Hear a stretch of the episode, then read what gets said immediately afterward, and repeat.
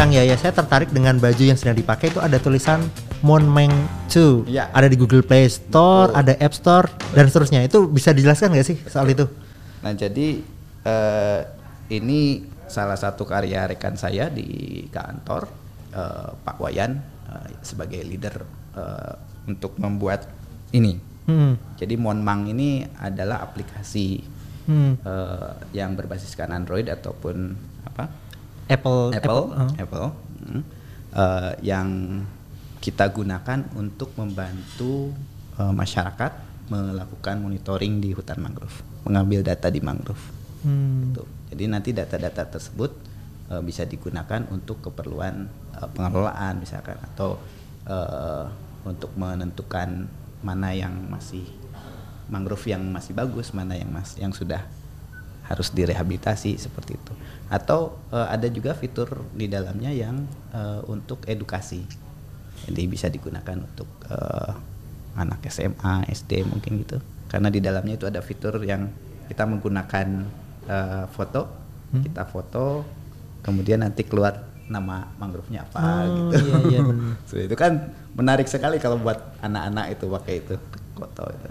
Terus di situ juga ada eh, penjelasan cerita tentang mangrove, mangrove itu apa dan seterusnya. Oke. Itu berarti bisa diakses publik ya? Ya, free. Nanti saya coba deh habis ini. Silakan. oh ya, sebagai peneliti mangrove bisa diceritakan nggak sih suka duka dalam menjalani eh, profesi ini? Atau layak apa disebut profesi bener nggak sih? saya suka disebut profesi. Oke. Eh, nggak apa-apa. Oke.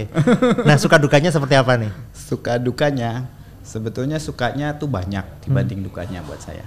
Eh, karena maaf, karena pertama kan eh, di awal Mas sudah nebak saya ini introvert gitu. Iya.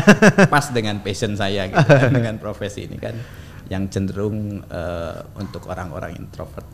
Walaupun saya terpaksa harus jadi orang ekstrovert juga karena kan harus berbicara terkait dengan pengelolaannya. harus- Tapi tidak sesering ketika masuk kelas tiap Wah, hari ya. Itu berat.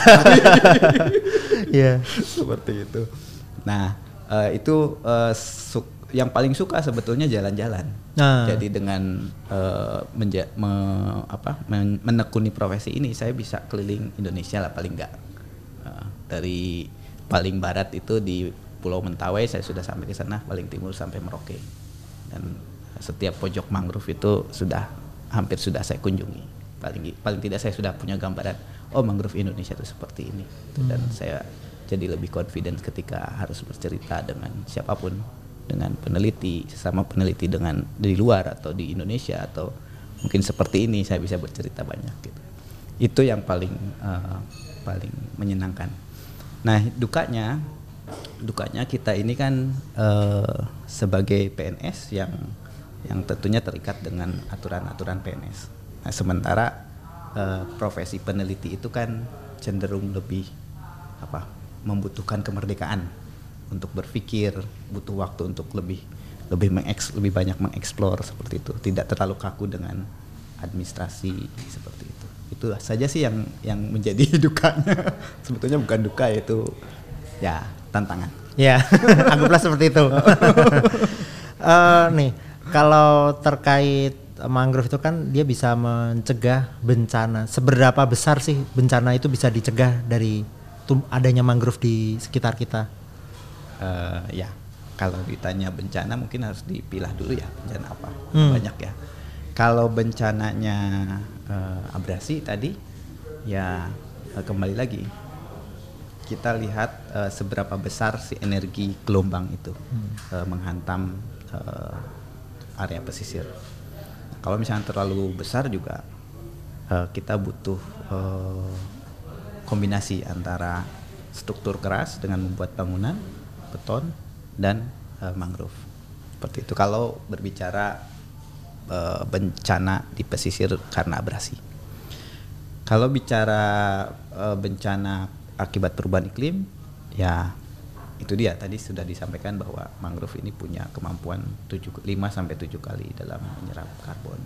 Sehingga semakin banyak mangrove ditanam semakin banyak pula eh, mangrove ini bisa mengurangi karbon dioksida di atmosfer di udara.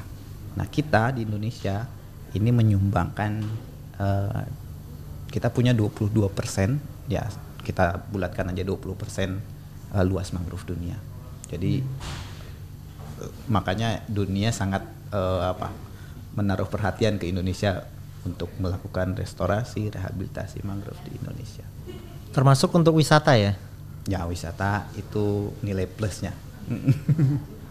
Kalau untuk tadi kan masih soal bencana nih. Kalau untuk tsunami bisa nggak sih mas? Tsunami ya baik lagi, tergantung seberapa besar tsunaminya. Oke. Kalau misalkan masih uh, ya masih sesuai dengan kemampuan si mangrove ya bisa menahan itu. Oke, ada pesan-pesan nggak sih untuk masyarakat uh, terkait mangrove ini, uh, Kang Yaya? Mm, Pesan dan ya eh, pesan-pesannya untuk masyarakat khususnya untuk masyarakat nelayan eh, saya ingin menyampaikan terima kasih banyak bagi mereka yang sudah eh, mau bersusah payah menyelamatkan mangrove di Indonesia. Dan mudah-mudahan itu menjadi manfaat bagi para masyarakat nelayan dan masyarakat yang ada di pesisir. Untuk masyarakat Indonesia secara keseluruhan eh, mari kita apa namanya meningkatkan lagi kesadaran bahwa eh, apa namanya eh, lingkungan hidup adalah suatu hal yang penting. Mangrove adalah salah satu eh, eh, sumber daya lingkungan yang perlu kita kita jaga kita kelola dan tentunya untuk kemanfaatan kita semua. Mungkin itu saja dulu. Oke, saya ucapkan terima kasih atas kehadiran Kang Yaya di podcast Berisik edisi kali ini. Dan Sobat Antara terus simak uh, berita-berita akurat cepat penting di portal antaranews.com. Saya Om Prihantoro beserta kru yang bertugas pada kesempatan kali ini pamit undur diri dan tunggu di edisi podcast-podcast berikutnya. Saya Om Prihantoro, salam sampai jumpa.